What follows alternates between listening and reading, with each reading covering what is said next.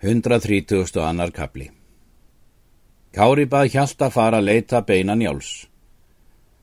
Því að því munu allir trúa er þú segir frá og þér sínist. Hjalti hvaðst að gerðan gera vilja að flytja bein njáls til kirkju. Síðan riðu þeir þaðan 15 menn. Þeir riðu austuri við þjórsá og kvöttu þar upp menn með sér til þess er þeir höfðu hundra manna með nábúum njáls.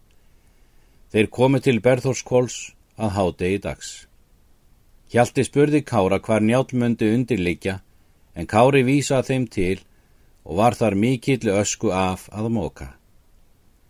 Þar fundu þeir undir húðina og var sem hún væri skorpnuð við eld. Þeir tóku upp húðina og voru þau bæði óbrunnin undir. Allir lofuðu Guð fyrir það og þótti stór jartegn í vera. Síðan var tekinn sveitnin er leið hafði í millum þeirra og var af honum brunnin fingurinn einn er hann hafði rétt upp undan húðinni. Njál var útborin og svo bergþóra. Síðan gengu til allir menn að sjá líka með þeirra. Hjalti mælti. Hversu sínastuður líka mér þessir? Þeir svöruðu. Þinn atkvaða viljum við er aðbýða. Hjalti mælti. Ekki mun mér um þetta einarðar fátt, verða. Líka mér berðóru þykir mér að líkindum og þó vel, en líka mér njáls og ásjóna sínist mér svo bjartur að ég hefi engi stöðsmanns líka maður séð, jafn bjartan. Allir sögðu að svo var. Þá leituðu þeir skarpjens. Þar vísuðu heimamenn til sem þeir flosi heyrða að vísan var kveðin og var þar þekjan fallin að gablinum og þar mælti hjalti að til skildi grafa. Síðan gerðu þeir svo og fundu þar líkama skarpiðins og hafði hann staðið upp við gaflaðið og voru brunnir fætur af honum mjög, svo niðan til knjá, en allt var annað óbrunnið á honum. Hann hafði bitið á kampinum. Augu hans voru opinn og óþrútinn. Hann hafði rekið auksina í gaflaðið svo fast að gengið hafði allt upp á miðjan fetan og var hún ekki af því dignuð. Síðan var hann útborin og auksinn. Hjalti tók upp auksinn og mælti. Þetta er fágætt vopn og munu fáir bera mega. Kári mælti. Sé ég mann til hver bera skal auksina? Hver er sá, segir Hjalti. Þorgeir skorargeir, segir Kári. Sá er ég ætla nú mestan mann í þeirri ætt vera. Þá var skarpíðin færður af klæðum því að þau voru ekki brunnin. Hann hafði lægið hendur sínar í kross og á ofan hinn að hægri. Díla fundu þeir á honum í millum herðana en annan á bringunni og var hvort tveggi brendur í kross og ætluðu menn að hann myndi sér sjálfur brent hafa. Allir menn mæltu það að betra þætti hjá skarpjörni döðum en þeir ætluðu því að engi maður hrættist hann. Þeir leituðu gríms og fundu bein hans í miðjum skálanum. Þeir fundu þar gengt honum undir hliðvegginum, þorð leysingja, en í vefjarstofunni fundu þeir sæjunni kerlingu og þrjá menn aðra. Alls fundu þeir þar bein af ellefu mönnum. Fluttu þeir nú líkin til kirkju. Þá reið hjalti heim og kári með honum. Blástur kom í fótinn ingjaldi. Fór hann þá til hjalta og grætti hann yngjald og var hann þó jafnan haltur síðan.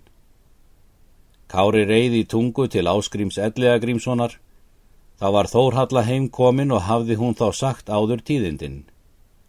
Áskrimur tók við Kára báðum höndum og bað að hann skildi vera þar öll þau misseri. Kári hvað svo vera skildu. Áskrimur bauð því öllu liði til sín er að Berþórskóli hafði verið. Kári segir að það var velbóðið og skal þetta þykja fyrir þeirra hönd. Var þá flutt þangað allt liðið. Þórhalli áskrimsinni brá svo við er honu var sagt að njálf fóstri hans var döður og hann hafði inni brunnið að hann þrútnaði allur og blóðbógi stóður kvorri tveggju hlustinni og varð eigi stöðvað og fjall hann í óvitt og þá stöðvaðist.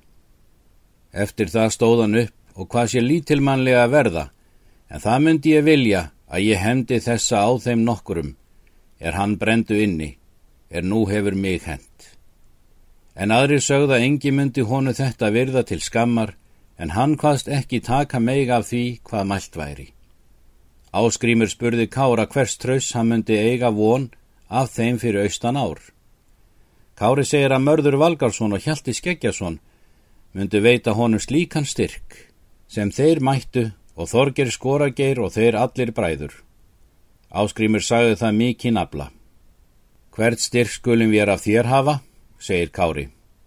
Allan þann sem ég má veita, segir Áskrímur, og skal ég líf áleggja. Ger þú svo, segir Kári. Áskrímur mælti.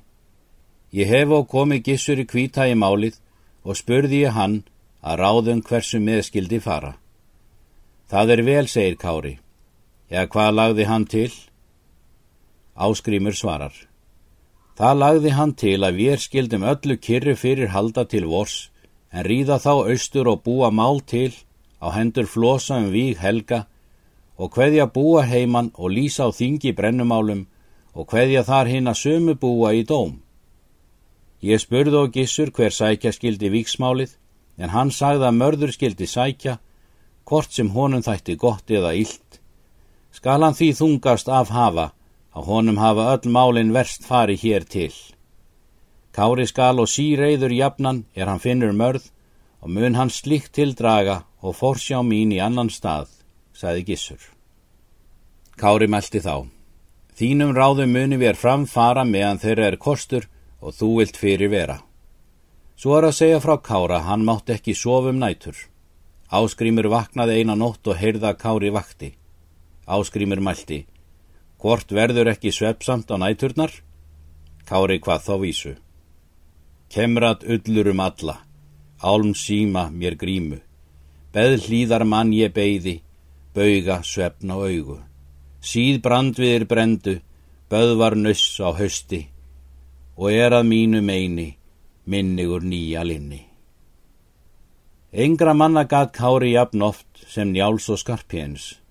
Aldrei ámælti hann óvinnum sínum og aldrei heitaðist hann við á.